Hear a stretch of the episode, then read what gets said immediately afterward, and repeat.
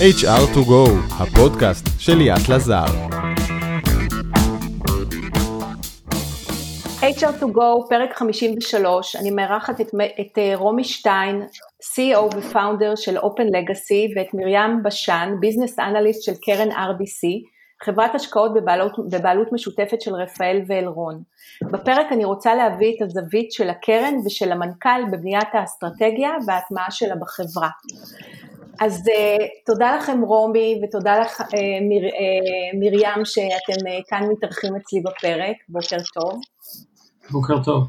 בוקר טוב. אז בואו נקפוץ לשאלות, ישר. רומי, אם אתה יכול לספר לנו בקצרה על Open Legacy, מה באתם לפתור, כמה אנשים, איפה אתם יושבים, אתה יודע, את ה-basic קצת, שנדע על מה אנחנו מדברים. בהחלט, תודה רבה ותודה uh, that you are having us, כמו שרגיל בפודקאסטים האמריקאים. Uh. כן, אז Open Legacy היא דווקא חברה ישראלית, אנחנו חברה ישראלית גאה. Uh, התחלנו פה ב-2013. אה, כאשר Open Legacy מתעסקת בעולם שידוע בשם טרנספורמציה דיגיטלית, או בעיקר איך להעביר חברות, בעיקר חברות שכבר פועלות כמה עשרות שנים, כמו בנקים, חברות ביטוח, חברות תעשייה, אה, גופים ממשלתיים שיש להם מערכות אה, ליבה, מבוסס, מבוססות מערכות ליבה, מה שנקרא Legacy, איך אפשר להעביר אותם מהר יותר, באופן יעיל יותר, למערכות, לדיגיטל, מה שנקרא, למערכות מחשוב ענן, בלי להפוך את כל העסק, בלי לחכות חמש-שש שנים עד שעושים טרנספורמציה מלאה, אלא איך אפשר לעשות אינטגרציה ולמנף את התהליכים העסקיים המצוינים שיש להם כבר בליבה, כדי שיוכלו להתחרות יותר טוב בעידן הדיגיטל. אז זה קצת ככה על מה ש-Open Legacy התפקיד שלה. אה, מבחינת אה, חברה, אה, אז כמו שאמרתי, אנחנו חברה ישראלית, מרבית או כמחצית מהאנשים יושבים בארץ, אנחנו כמאה איש, אנחנו יושבים בפתח תקווה, במרכז ופיתוח בפתח תקווה, כאשר המחצית השנייה של ה... של האנשים פזורים במספר מוקדים בעולם, אנחנו כבר משתדלים להיות חברה גלובלית, זו אחת האסטרטגיות שלנו הייתה די מההתחלה, שזה מעניין. אה, אה, לגשת... אז אנחנו נדבר על זה כמובן, זה מעניין וזה טוב שאתה אומר את זה עכשיו. בהחלט, אני אשמח, אה, ובהחלט זה מצחיק שדווקא המקום הראשון שהתרחבנו אליו זה מקסיקו סיטי בדרום אמריקה וניו יורק, אז יש לנו בהחלט המוקדים הללו, כל מוקד הוא מוקד אזורי, בדרום אמריקה, צפון אמריקה, באירופה כמובן, אנחנו יושבים בז'נבה ובשנה, שנה וחצי האחרונה, בעיקר גם עם כניסה של משקיעים אסטרטגיים נוספים מהמזרח, אה, מהונג קונג ומיפן, אה, התרחבנו גם אה, לאסיה, אז בהחלט זה ככה על קצה המזלג עלינו. ואז כמה אנשים, ואם אתם מגייסים אז יהיה מעניין לדעת, כי גם נשים את ה-career page שלכם בפוסט, ואנשים יוכלו לראות, להיכנס, אז אני לא יודעת מה מצבכם כרגע בזמן הקורונה. כן, אז, אז בהחלט אה, היה לנו, הייתי אומר, אפילו קצת, אה, לפעמים צריך מזל, האמת שהרבה פעמים צריך מזל, אה, שתלך עם האסטרטגיה, אסטרטגיה טובה עם מזל טוב גם, ובהחלט לפני, דווקא לפני הקורונה, ממש בסוף ינואר, נכנס לנו משקיע אסטרטגי שלא תכננו, מפן משקיע אסטרטגי מאוד רציני, בשם FBI, נכנס משקע של 20 מיליון דולר, ולמרות שלא תכננו, זה בהחלט נתן לנו, הגדיל לנו את אורך הנשימה ואת היכולת בתקווה לצלוח את התקופה הקשה הזאת של, של כל החברות ועל אחת כמה וכמה של סטארט-אפים. אז כעיקרון אנחנו לא מגייסים, לא, לא חיפשנו בינואר, אבל איך אומרים, תמיד זמן טוב לגייס כשאתה לא צריך. אבל אני, אני רק אוסיף שהחברה עד היום גייסה כ-70 מיליון דולר, אז אנחנו כבר בשלב הזה של, אה, של טיקטים קצת יותר גדולים ולכן גם המרווחים בין גיוס אחד לשני הוא בדרך כלל אה, מתארך, אם יהיה זמן נשמח גם לדבר על זה. אוקיי, okay. אמ, um, ולגייס אנשים, יש לכם משרות פתוחות כרגע? אז קודם כל, תמיד אנחנו uh, שמחים uh, לפגוש אנשים uh, ובהחלט להביא לתפקידים השונים, הייתי אומר בארץ בעיקר הפוקוס שלנו הוא מחקר ופיתוח, אני חושב שבאתר שלנו אה, אפשר לראות אה, איזה, איזה משרות פתוחות. בהחלט אחד הדברים שעשינו דווקא זה להביא חבר'ה צעירים, Open Legacy התגאתה בזה שהבאנו הרבה מאוד חבר'ה צעירים, הרבה פעמים בלי ניסיון, שהיו רעבים וחדורים והם גם לא היו חייבים לבוא 8200 בהכרח, או מאיזשהו רקע, ובהחלט זה אחד הדברים היפים שאנשים גדלים ו, ולומדים בתוך החברה. רוב התפקידים שהם דווקא תפקידי, הייתי אומר, שיווק, ניהול, פיתוח עסקי, הם דווקא תפקידים שאנחנו מגייסים בחו"ל. לצערי, אז בהחלט בארץ זה יותר רלוונטי לסיפור הטכנולוגי. מרים, אה, מאוד מעניין אותי לשמוע באיזה שלב אתם נכנסתם, RDC נכנסה עם ההשקעה, ומה גרם לכם להשקיע ב-open legacy? אז אה, RDC נכנסה בשלב הסיד. אה, אלרון ו-RDC אוהבות מאוד להיות ה-first official money בתוך, בתוך חברות. לרוב זה הכסף הראשון שנכנס או מיד אחרי האנג'לים. אנחנו מתמחים בשלבים המוקדמים האלה ואנחנו מרגישים שהתרומה שלנו לחברות היא כשאנחנו מתחילים לעבוד איתם אה, בשלב מוקדם. אה, אצל Open Legacy אה, רומי היה חבר טוב של, של מנכ"ל, מנכ"ל אלרון היום, ירון אלעד, וירון, גם כשדיברתי איתו לפני השיחה הזאת, הוא אמר לי שרומי היה שם דבר באלרון עוד לפני ההשקעה הזאת, מהתקופה שלו ב-IBM ארצות הברית, אמ, הרבה שנים אה, של היכרות איתו, וכש-open legacy חיפשה, חיפשה השקעה, היא, היא באה אלינו, והרגע, ומבחינתנו זאת השקעה שהיא טובה, כי היא ממש מביאה לשולחן את הדברים שאנחנו חזקים בהם, שזה הניסיון הטכנולוגי של אה, רפאל והניסיון העסקי אה, של אלרון שבאים ביחד בתוך RDC, ואני גם חייבת לציין ש, שלקח לנו זמן, בהתחלה התחושה הייתה שהם מציעים כאן פתרון, פתרון מיושן למערכת מיושנת, ו... ולא רק שטעינו, טעינו בגדול uh, מההנחה הראשונה הזאת. Um, אחרי uh, ארבעה חודשי uh, בחינה מעמיקה של ה-CEO uh, של רפאל קובי כץ, הבנו שלא רק שה-mainframes האלה, המערכות המיושנות האלה, אה, לא הולכות לשום מקום, אלא שהעתיד הוא בניסיון למצוא דרך אה, להמשיך אה, ולעבוד איתם, שזה בעצם מה ש-open legacy מציעה. מעניין אותי, התכנסנו לדבר על אסטרטגיה, אז רומי, באיזה שלב בניתם את האסטרטגיה שלכם וכמה שנים קדימה הסתכלתם?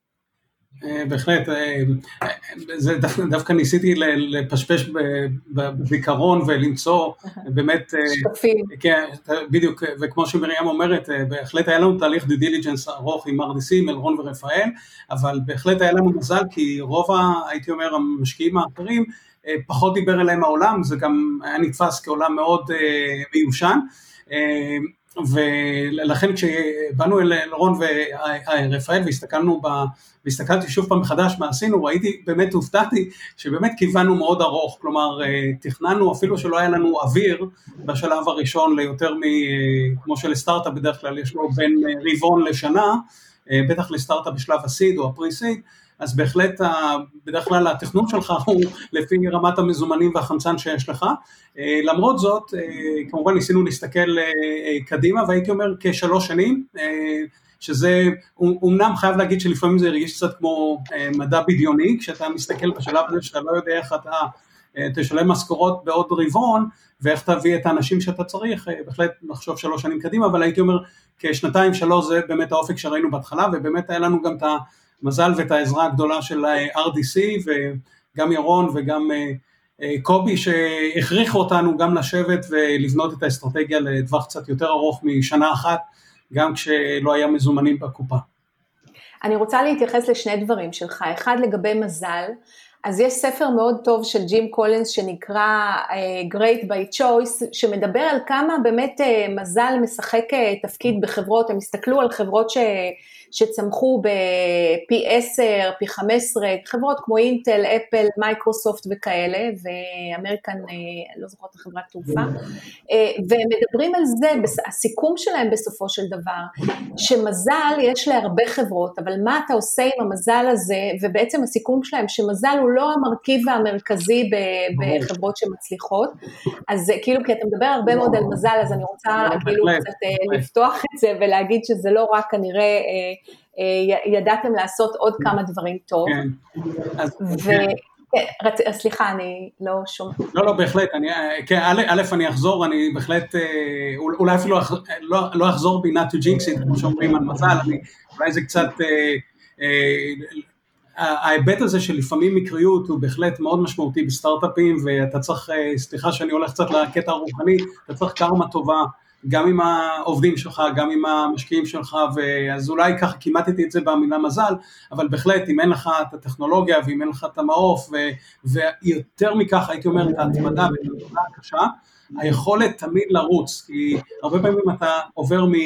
אה, אולי אפילו אני אהיה קיצוני ואומר מכישלון לכישלון, אבל היכולת שלך להתאושש מהר, ללמוד ולשפר ולהצליח וכל פעם להגיע לאיזה שהם, אה, לכבוש עוד גבעה ועוד גבעה, אז בהחלט הוא מאוד משמעותי, ואז מזל זה מין מה שבא מסביב על איך שאתה מתנהל, כי אני חושב בסוף אה, בהחלט זה על העניין של האסטרטגיה, אז אני מסכים.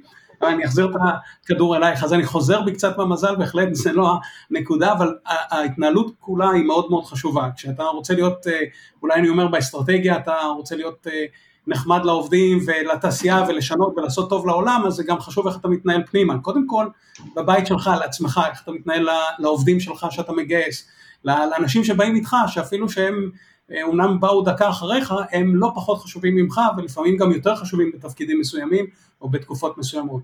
אז אני, לדבר הזה אני קורא בהחלט מזל והוא מאוד מאוד חשוב אה, אה, להצלחה, לרעות שלי. אה, אז זהו, אז זה בדיוק מה אתה עושה עם המזל. הדבר השני שאני רוצה להתייחס אליו הוא לנושא של כמה קדימה אתה מסתכל. אה, כי הרבה מאוד חברות, ובטח חברות אה, סטארט-אפ בתחילת הדרך, אה, מסתכלות על הרבעון, על החצי שנה, על השנה, אני חושבת שמקסימום זה השנה, ואחד הדברים שהם מאוד מאוד קריטיים בהצלחה של חברה, למרות שאתה לא יודע והשוק משתנה ואלף דברים יכולים להתהפך בדרך, היכולת הזאת לכוון לאברסט ובדרך לשים את המחנות, את הקמפס, שהם בעצם ה... הרבעון, שנה, שלוש שנים, כדי, וכל פעם לראות שאתה מגיע, כי אם אין לך את זה, הסיכוי שלך להצליח הוא יותר נמוך. זה לא אומר שלא תצליח, אבל כשאתה מכוון מאוד גבוה לה, להגיע לאברסט, זה החמש שנים, זה השלוש שנים, אה, ויש כאלה שמדברים על 20 ו-25 שנה, שזה חברות נניח כמו אפל, כמו זה, בזמנו כיוונו לאותם מקומות, הסיכוי שלך להגיע לביצועים הרבה יותר גבוהים ולפסגות יותר גבוהות הוא, הוא הרבה יותר גבוה. אמ, אז דיברת קצת על, על אנשים ועל, ועל ביצועים ודברים כאלה, ובאמת אה, מעניין אותי, כדי שהאסטרטגיה תוכל לבוא לידי ביטוי, צריך, לה, צריך שיהיו תשתיות שתומכות בזה. אז אני אשמח שתשתף אותנו איזה תשתיות ארגוניות בניתם, גם אם אתה מדבר על זה של להביא את האנשים הטובים, אה, לדעת לעקוב אחרי הדברים, מה, מה יצרתם בחברה? בהחלט, אה, אז, אז סליחה על הקלישאה שבאמת הדבר החשוב ביותר בתשתיות זה אנשים, אה, וזה, אני לא יכול להמעיט בחשיבות של, של האנשים ואת האנשים שאתה מביא, זו התשתית החשובה ביותר. אולי פה אני אתן קצת אנקדוטה, אני חושב שאנחנו קצת שונים מהרבה מאוד סטארט-אפים ישראלים, שמתמקדים בעיקר להישאר בישראל בשלב הראשון, כי אין לך את המשאבים הרבה פעמים לצאת החוצה. אה, באופן לגאסי בגלל שהפוקוס שלנו, כוכב הצפון, היה אה, איך אה, לעזור לכל חברה, לא משנה כמה מערכות שלה מורכבות, להיות חברה דיגיטלית ולצורך העניין להיות הדה פקטו סטנדרט בעולם האינטגרציה, שזה העולם שלנו, אז היה ברור לנו שאנחנו חייבים לחפש את הכישורים ואת הכישרונות שהם לאו דווקא נמצאים בישראל, בעיקר בתחום של אומר הפיתוח העסקי והמכירות והבנה של. סליחה, צרכי לקוחות, אה, בהחלט אה, היה ברור לנו שזה מחוץ לשוק הישראלי ואיך בשלב שאתה רק סיד, איך אתה כבר מצליח אה, לצאת החוצה לחו"ל, לחפש. במקרה שלנו הייתי אומר גם רועי, גם אני וגם שאר הצוות המייסד באנו עם רקע של עבודה קודמת, אז היינו כבר עבדנו בחברות בינלאומיות והיה לנו קצת ניסיון והיכרות גם עם השטח ואנשים במקומות אחרים, ובהחלט אה, אה, הושטנו יד או יצאנו כבר אה, די מהר על ההתחלה, ועם ההיכרות המוקדמת נעזרנו בה כדי למנף ולהביא אנשים ולשכנע אנשים לעשות את הדבר המטורף, לעזוב עבודות מאוד מכובדות ומאוד מרוויחות ולהצטרף לסטארט-אפ די התחלתי מישראל. אבל זה עלה בידינו ובהחלט אני חושב שזו התשתית הראשונה היא להביא את האנשים המתאימים ובהחלט לראות מה משלים לך על מנת לממש את החזון, אם אתה רוצה להפוך לשחקן בינלאומי או שחקן עולמי שמשפיע בתחום טכנולוגי מסוים. תגיד רומי, הזכרת את הנושא של האסטרטגיה לשלוש שנים, אתה יכול לספר לנו מה, כשהסתכלתם שלוש שנים, לאן רציתם להגיע? כן, אז המצחיק הוא שדי שינינו את ה... ודרך אגב, ואיפה זה נמצא מול מה שתכננתם, כן, זה גם יהיה מעניין. בהחלט, זו שאלה מאוד מעניינת וזה דווקא עזר ככה קצת לחשוב אה, אה, מה השתנה, וחייב להגיד שהרבה דברים השתנו, גם האסטרטגיה השתנתה לא מעט, ואני לא, סליחה, ואני לא מדבר גם על הטקטיקה, הטקטיקה, הטקטיקות כל הזמן משתנה, אה, משתנות, אבל האסטרטגיה מן הסתם זה משהו שאמור להישאר קבוע, אה, אבל גם האסטרטגיה די השתנתה, הייתי אומר, במהלך השנים, ואני אתן דוגמה. אה, כשהתחלנו בתחילת הדרך, וכוכב הצפון לשמחתי לא השתנה, רצינו בהחלט לעשות אימפקט בתעשייה ולעזור באופן מאוד מהותי לאותן חברות שמתקשות, ויתרה מכך, להיות הסטנדרט החדש. רק שהאסטרטגיה הראשונה שלנו, ומפה גם נגזר השם, שם שרועי ככה הגה, Open Legacy, שלמעשה Open Legacy זה מעין אוקסימורון, כלומר זה שני דברים, Open זה פתוח ו-Legacy זה הדבר הסגור ביותר שקיים במערכות בעולם, בעולם הטכנולוגי, למעשה לחבר שני דברים, את המערכת הכי סגורה שלך, לפתוח אותה, מעין Open Sesame, לפתוח את המערה. ו...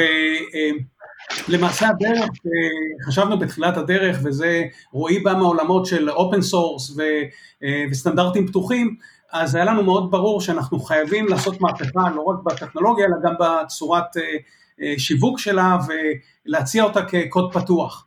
ובהחלט היינו בטוחים שזאת אסטרטגיה מנצחת, ואגב יכול להיות שעוד נחזור אליה בעתיד, הנה איך הגלגל מתהפך, אבל בשנה, שנה וחצי הראשונות ראינו שאנחנו מגיעים לאיזושהי, אה, אה, פוגעים באיזושהי תקרת זכוכית עם האסטרטגיה של להיות קוד פתוח ולתת לכולם להוריד את זה והרבה מאוד מתכנתים מכל מיני מקומות בעולם פתאום מורידים ומשתמשים אבל אין לך, אתה לא מצליח uh, to capture value מה שנקרא, לתפוס את הערך. ויתרה מכך ראינו שלקהל היעד שלנו כי, כי אסטרטגיית open source היא אסטרטגיה מאוד מוצלחת להרבה מאוד סטארט-אפים ישראלים, ואני רק אציין את JFrog שיצא לאחרונה להנפקה, חברה מצוינת ועוד חברות אחרות, שבהחלט קוד פתוח זה הרבה פעמים אסטרטגיה מנצחת. אה, אצלנו הבנו שהארגונים המבוגרים או החברות תעשייה הוותיקות שאנחנו מכוונים אליהם, אה, קוד פתוח לפעמים גם קצת מרתיע אותם. והם בהחלט מחפשים אה, לקבל כבר מראש את השחקן ה enterprise שיעמוד והם רוצים לקנות תוכנה, לדעת שיש אבא ואימא, אבל כן הקפדנו אה, שגם כשסגרנו את הקוד הפתוח, עדיין הקפדנו שהכל יהיה מבוסס על סטנדרטים פתוחים. אז למעשה עשינו את המיטב של אה, שני העולמות, גם, גם סטנדרטים פתוחים, שהארגון יוכל לעבוד כביכול אה, עם קוד פתוח, רק שהצורת מימוש שלו היא דרך אה, רישיון אה, רגיל של enterprise. אז את זה שינינו, עברנו מקוד פתוח פשוט לרישיון כמו שאמרתי, שוב פעם עכשיו אנחנו מסתכלים שלוש שנים קדימה או של... לעתיד ואנחנו בהחלט רואים שאולי אנחנו דברים מסוימים כן צריכים לשקול מחדש איך אנחנו חוזרים אם לא לקוד פתוח אולי למשהו שאנחנו קוראים free tier שאנחנו ניתן לגישה ליותר אנשים גם ללא צורך ברכישה של הטכנולוגיה מראש. אז אני אעצור רגע פה, אני מקווה שזה make sense. Make sense, ודרך אגב, אסטרטגיה, התוכנית הזאת זה משהו שהוא חי ונושם ומשתנה, אה, ומשתנה לאורך הזמן, כי, כי אי אפשר, אתה, אתה לא יכול להיתקע, הדברים כל הזמן אה, משתנים. אה, אני דרך אגב, רק לפני שאני פונה אלייך מרים, אני מאוד אהבתי באתר שלכם, אפרופו שקיפות וקוד פתוח, אה, שאתם שמים את ה... ויש לכם במה להתגאות גם, זה שאתם שמים כמה כסף גייסתם אה, ובאיזה שלב אתם, כי אני עובדת עם הרבה חברות שהמנכ"לים מפחדים הרבה פעמים לתקשר כמה כסף הם גייסו, או שהם איזה שושו כזה ולא מספרים לעובדים או לא מספרים לשוק, ולא משנה, הסכום אצלכם הוא גם מאוד מאוד מרשים, אבל בכל מקרה אני אוהבת את זה שזה נמצא גם באתר. אז, אה, אז אני רוצה לשאול אותך מרים, את, את רואה הרבה מאוד חברות בכל מיני שלבים, אז כמה שנים קדימה אה, סטארט-אפים אה, מכוונים ומתכננים את האסטרטגיה שלהם? אז אני חושבת שרומי קצת נגע מזה, בזה מקודם, אז אני רק אחדד. אנחנו רואים את התכנון בהתאם, בהתאם בהתאם לשלב. בגדול מתכננים אה, בהתאם לכמות הכסף אה, שמגייסים, לרוב זה בין אה, שנה וחצי, שנתיים, שנתיים וחצי, שלוש שנים זה באמת, זה לא משהו שאנחנו רואים יותר מדי, ובאמת הגיוס אמור, להשל... הגיוס, התכנון האסטרטגי אמור, אמור להספיק עד לגיוס הבא. אז אז בשלב ה seed אנחנו רואים שיש אה, תכנון, אה, תכנון קדימה לגבי, אה, לגבי המוצר וחדירה ראשונית לשוק. בשלב A האסטרטגיה מתייחסת למכירות והוכחה של ה product market fit, וב round B אתה כבר רוצה להראות, להראות scale. את רואה איזשהו קשר בין חברות שיודעות אה, לתכנן אה, לטווחים יותר ארוכים, שכאילו הן מאוד ambitious בצד הזה שהן אומרות, אוקיי, אני לא מסתכל על ה step by step הזה כמו שאת תיארת, על השלבים האורגניים יחסית, אלא אה, מסתכל יותר רחוק, יותר, אה, יותר שאפתני, והאם את רואה קשר בין זה לבין ההצלחה של אותן, אה, חברות? זו שאלה טובה. אמ, אני חייבת לסייג ולהגיד שאם אה, חברה שהיא בשלב אה, מאוד מוקדם אה, מתכננת יותר מדי רחוק, שעדיין הם לא לא יודעים כיצד המוצר יתקבל בשוק והאם הוא באמת עונה על, על פתרון, אז זה משהו שלא הייתי מחשיבה אותו בתור ערך. אבל חברה שכבר יש לה product market fit והיא כבר יודעת מה השוק רוצה, כדאי מאוד שיהיה לה יכולת להסתכל מעבר ל... לארבעה, שמונה רבעונים, רבעונים הקרובים כדי שהיא תוכל, תוכל לבנות משהו גדול. ו-open legacy זה באמת דוגמה כזאת, לפחות בתחושה שלי אה, מהצד של המשקיעים, שהיכולת שלהם אה, לדעת לאן הם הולכים ולתכנן גם אם זה, גם אם זה לא, לא הרבעון הקרוב או הארבעה רבעונים הקרובים, הם אחד הגורמים שתרמו להצלחה שלהם. כן, אני, זאת אומרת, אני מסכימה איתך גם ממחקרים, גם מחברות שרואים אותם בפועל, אה, הסיכוי שלך באמת להצליח ככל שאתה מכוון אה, יותר רחוק, יותר גבוה, וכמובן דואג שזה יקרה, ואפרופו דואג שזה יקרה, רומי, לא, לא, לא דיברנו על התשתיות, איך בעצם אה, מיישמים, יש לנו את, ה, את כוכב הצפון, יש לנו את התוכניות עבודה לטווח קצר, ארוך, איך, איך הארגון בעצם מתארגן כדי לממש את כל הסיפור הזה? בהחלט. אם, אם ברשותך, אני רק רוצה אה, להשלים לפני שאני נוגע לתשתיות, אמרת נקודה מעניינת על השקיפות, אה, וברשותך אני כן רוצה להתייחס דווקא לאותם סטארט-אפים שאולי לא שמים את אה, כמה הם גייסו או קצת פחות שקופים, אפשר להבין גם את זה, ובאמת בתחילת הדרך אחד הדברים, וזה תכף נגיע לתשתיות ולדברים הללו, זה היכולת שלך להתמודד עם חברות גדולות בשוק. וכשאתה בא בתור סטארט-אפ ובעיקר רוצה למכור ל enterprise אה, ופתאום אה, המתחרים שלך אומרים חבר'ה אתם השתגעתם אתם הולכים אה, ליישם טכנולוגיה של חברה שהשקיעו בה איקס מיליוני דולרים שהיא בשלב ה seed, בהחלט זה משהו שהוא קצת בעייתי, אז השקיפות זה משהו שגם אתה צריך להתרגל אליו ולגדול, ואני חייב להגיד פה שהנשיא שלנו רון רבינוביץ', שהיה גם המשקיע הראשון בחברה, והיום אנחנו יחד מנהלים את החברה כמנכ"ל משותף, בהחלט הוא דוגל מאוד מאוד ברוטלי בשקיפות ונכנסנו לזה והתגלגלנו לזה ויש לזה הרבה מאוד אפקטים חיוביים אז אני א' רוצה לתקן מבחינת גם קרדיט וגם החשיבות לאותם אלה שקצת יותר זהירים אפשר להבין איך זה משמעות. עכשיו ספציפית לתשתיות. אז לפני, ש... לפני שאתה ממשיך לשאלה הספציפית שלי, ששאלתי אותך אני רוצה רגע לעשות בעצם אחד הדברים היום רואים שמשאיר עובדים בחברה ומחבר עובדים ו- ו- וגורם אה, למחויבות יותר גדולה, היא שקיפות, היכולת אה, להיות שחברה, מנהלים יהיו שקופים, והדבר השני זה האותנטיות. אז אה, אפרופו מה שאמרת ומה שרון דוגל בו, אז זה מתחבר מאוד טוב לאיך, ש, לאיך שדברים הולכים כן. היום. לא, תודה רבה, בהחלט, בהחלט הדברים הללו של האווירה בחברה והאמון בין כולם, ואני חושב שזה אולי גם היתרון שלנו כישראלים, אני חייב לציין לעומת הרבה מאוד חברות בחו"ל, זה שאנחנו הרבה פעמים ארגון שטוח, אין הבדל בין, יכול לבוא בחור שרק, התג...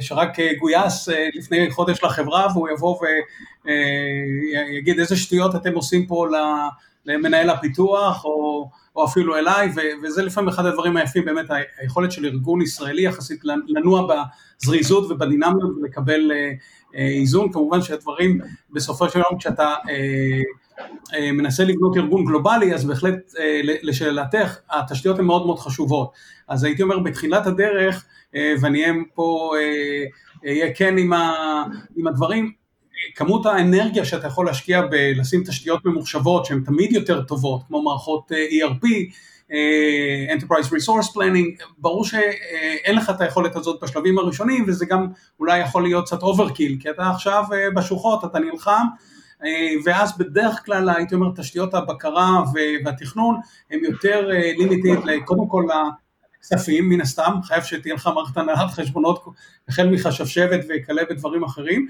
על מנת שתוכל אה, א', כלפי המשקיעים ובקרה אה, נדרשת על אה, המזומנים, שזה תמיד סיכון שבמהות, אז זה, זה מה שנקרא must, וכמובן במקרה שלנו היה לנו ברור מהר מאוד שאנחנו חייבים מערכת CRM טובה, גם אם היא מאוד יקרה, אותו כסף. מאיזה שלב, אחרי כמה זמן, אחרי כמה כסף שגייסתם? אז, אז, אני, אז אני חייב uh, לומר שדווקא פה uh, עשינו את זה די בשלב ההתחלתי, אפילו בשלב, ה, לקראת סוף שלב ה-seed, כשהיה ברור לנו שאנחנו הולכים גם לכיוון ה-A-Round וקיבלנו גם את העזרה של RDC בהלוואות גישור בין ראונד אחד למשנהו והם האמינו בנו ונתנו לנו ליישם את זה.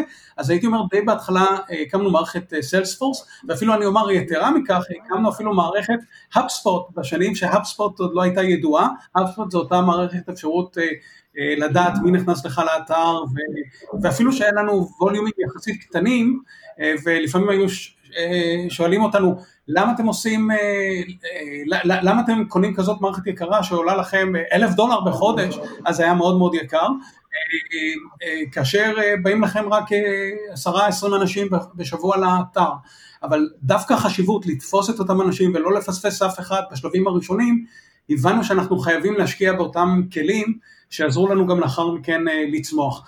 תמיד יש את ה trade-off בין, הייתי אומר, בין אה, ההשקעה בדברים שיעזרו לך בעתיד לבין, אה, אה, לבין מה שאתה חייב לעשות היום או יכול לעשות באופן ידני עם אקסלים וכמובן שהרבה מאוד מהתהליכים בוא, בוא לא נגזים שמהשלב הסיד היה לנו כבר את כל הדברים, רוב הדברים, רוב התהליכים היו ידניים, היו נהלים מאוד טובים שפה באמת קיבלנו הרבה מאוד עזרה מה-RDC, גם מהניסיון של אלרון כחברה ציבורית, גם מהניסיון של רפאל על בקרה, בהחלט ליישם את כל, ה, את, את כל ה, נקרא לזה, הבקרות והיישומים, עשינו את, את מרביתם ביישומים ידניים או בבקרה, נקרא לזה, ידנית. היום הדברים עוברים ל, לאותן מערכות ERP שהטמענו בתקופה האחרונה. אז איך אתם בעצם אה, מודדים את העובדים, איך אתם עושים בקרה על היעדים שלהם באמצעות מאנדיי, אה, באמצעות מערכת אחרת? אה, כן, באמצ... כן, בהחלט באמצעות מערכת שמאפשרת לנו לתעד ואת את ה...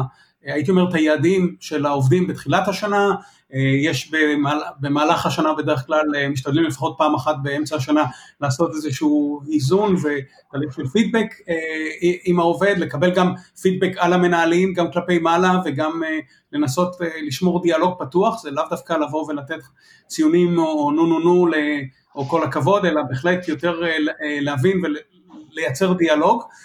בהחלט יש לנו מערכת של מעין personal best commitment של אה, יעדים אה, והתחייבות, אה, אבל שוב פעם אני אומר שדווקא, אני חייב לומר שדווקא פה בשלב הראשון במערכת של היעדים הייתי אומר שבשנה, שנתיים הראשונות לא היה לנו מערכת יעדים מאוד ברורה, אה, אולי זה קשור לסיפור של חלוקת תפקידים, שאם יהיה לנו זמן נדבר עליו, אה, כי לפעמים אתה רוצה, איך אומרים, ראש גדול מאנשים, לפעמים כשאתה נותן למישהו תפקיד מוגדר, אז הוא אומר, בסדר, זה התפקיד שלי, על זה מודדים אותי, מ-1 עד 10, ולא מעניין אותי, משימה 11 זה כבר לא אני.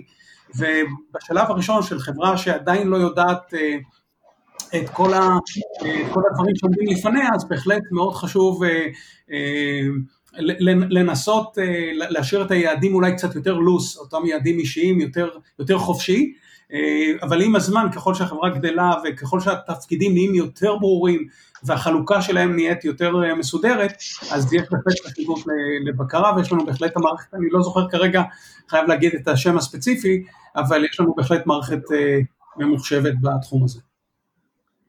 אוקיי, um, מרים, מניסיונך, אה, גם כן, כמה את רואה שחברות הן מאוד, אה, שחברות שסוגרות להן את, ה, את האסטרטגיה, כמה הן בעצם אה, סגורות על, ה, על ה-daily ועל ה-weekly ועל ה-monthly ו-quarterly, כאילו של לסגור את ה...